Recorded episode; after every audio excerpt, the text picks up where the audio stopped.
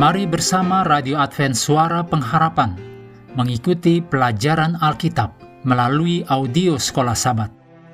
Selanjutnya, kita masuk untuk pelajaran Jumat 18 November. Ini adalah bagian pendalaman. Mari kita mulai dengan doa singkat yang didasarkan dari Titus 3 ayat 7.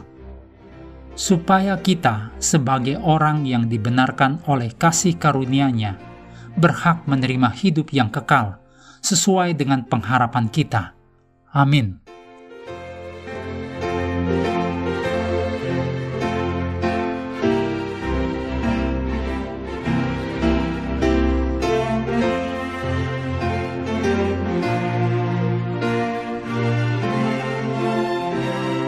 Anda perlu membaca tulisan Ellen G. White, judulnya Surat kepada Orang Tesalonika, di halaman 217 sampai 226. Kemudian yang judulnya dipanggil untuk mencapai standar yang lebih tinggi di halaman 260 sampai 271. Keduanya dalam Alfa dan Omega jilid yang ketujuh. Di dalam kutipan Stephen Cave, Immortality, The Quest to Life Forever, and How It Drives Civilization, halaman 104 dan 105 dikatakan, orang Romawi, tulis Stephen Cave, sangat menyadari keyakinan umat Kristen bahwa suatu hari mereka akan bangkit secara fisik dari kubur, dan orang Romawi melakukan segala yang mereka bisa untuk mengejek dan menghalangi pengharapan umat Kristen itu. Sebuah laporan tentang penganiayaan di Galia pada tahun 177 Masehi mencatat bahwa para martir pertama kali dieksekusi. Kemudian mayat mereka dibiarkan membusuk tanpa dikubur selama enam hari sebelum dibakar, dan abunya dibuang ke sungai Ron. Sekarang, mari kita lihat apakah mereka akan bangkit kembali. Demikian dilaporkan bahwa orang-orang Romawi telah mengatakan seperti itu. Sedikit objek pembelajaran dalam skeptisisme teologis ini betapapun dramatisnya, tidak penting. Itu tidak membuktikan apa pun tentang janji Alkitab tentang kebangkitan. Kuasa yang membangkitkan Yesus dari kematian juga dapat melakukan hal yang sama bagi kita, terlepas dari keadaan tubuh kita. Lagi pula, jika kuasa Tuhan yang sama itu telah menciptakan dan memelihara seluruh alam semesta, Tuhan pasti berkuasa mengubahkan yang hidup dan membangkitkan yang mati. Berikut ini kutipan dari Alfa dan Omega Jilid 7, halaman 217. Kita percaya juga bahwa mereka yang telah meninggal dalam Yesus akan dikumpulkan Allah bersama-sama dengan dia. Demikian dituliskan Paulus. Banyak orang menafsirkan dan mengartikan pasal ini bahwa orang-orang yang tidur akan dibawa dengan Kristus ke dalam surga tetapi Paulus mengartikan bahwa sebagaimana Kristus dibangkitkan dari orang mati, demikianlah Allah akan membangkitkan orang-orang saleh yang tidur dari kubur mereka dan membawa mereka bersamanya ke surga.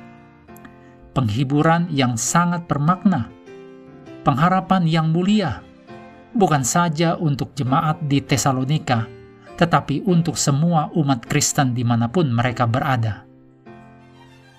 Berikut ini adalah hal-hal untuk diskusi. Yang pertama, ada yang mengatakan kematian menghapusmu untuk dimusnahkan sepenuhnya, jejak dan semuanya, yang dapat berarti menghancurkan makna hidup seseorang. Pengharapan yang kita miliki adalah untuk melawan ketidakbermaknaan seperti itu dalam hidup kita. Yang kedua, kita dapat menyelaraskan kebutuhan untuk bertumbuh menuju kesempurnaan seperti yang ditulis dalam Filipi 3 ayat 12 sampai 16 dengan fakta bahwa hanya pada kedatangan Kristus yang kedua kali kita akan menerima sifat yang murni dan tidak berdosa.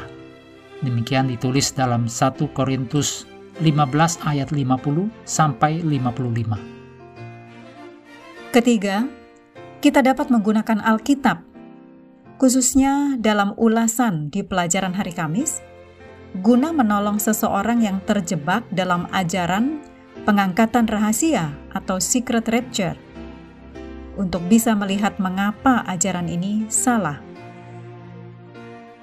Dalam 1 Korintus 15 ayat 12 sampai 19, perikop kebangkitan kita atau kebangkitan orang mati.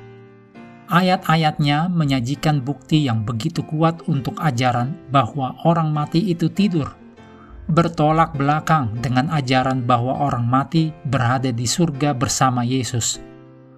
Ayat-ayat ini tidaklah berarti jika orang saleh yang sudah mati memang benar sekarang ini ada di surga bersama Yesus. Mengakhiri pelajaran hari ini, mari kembali kepada ayat hafalan kita, 1 Yohanes 5 ayat 11 sampai 12.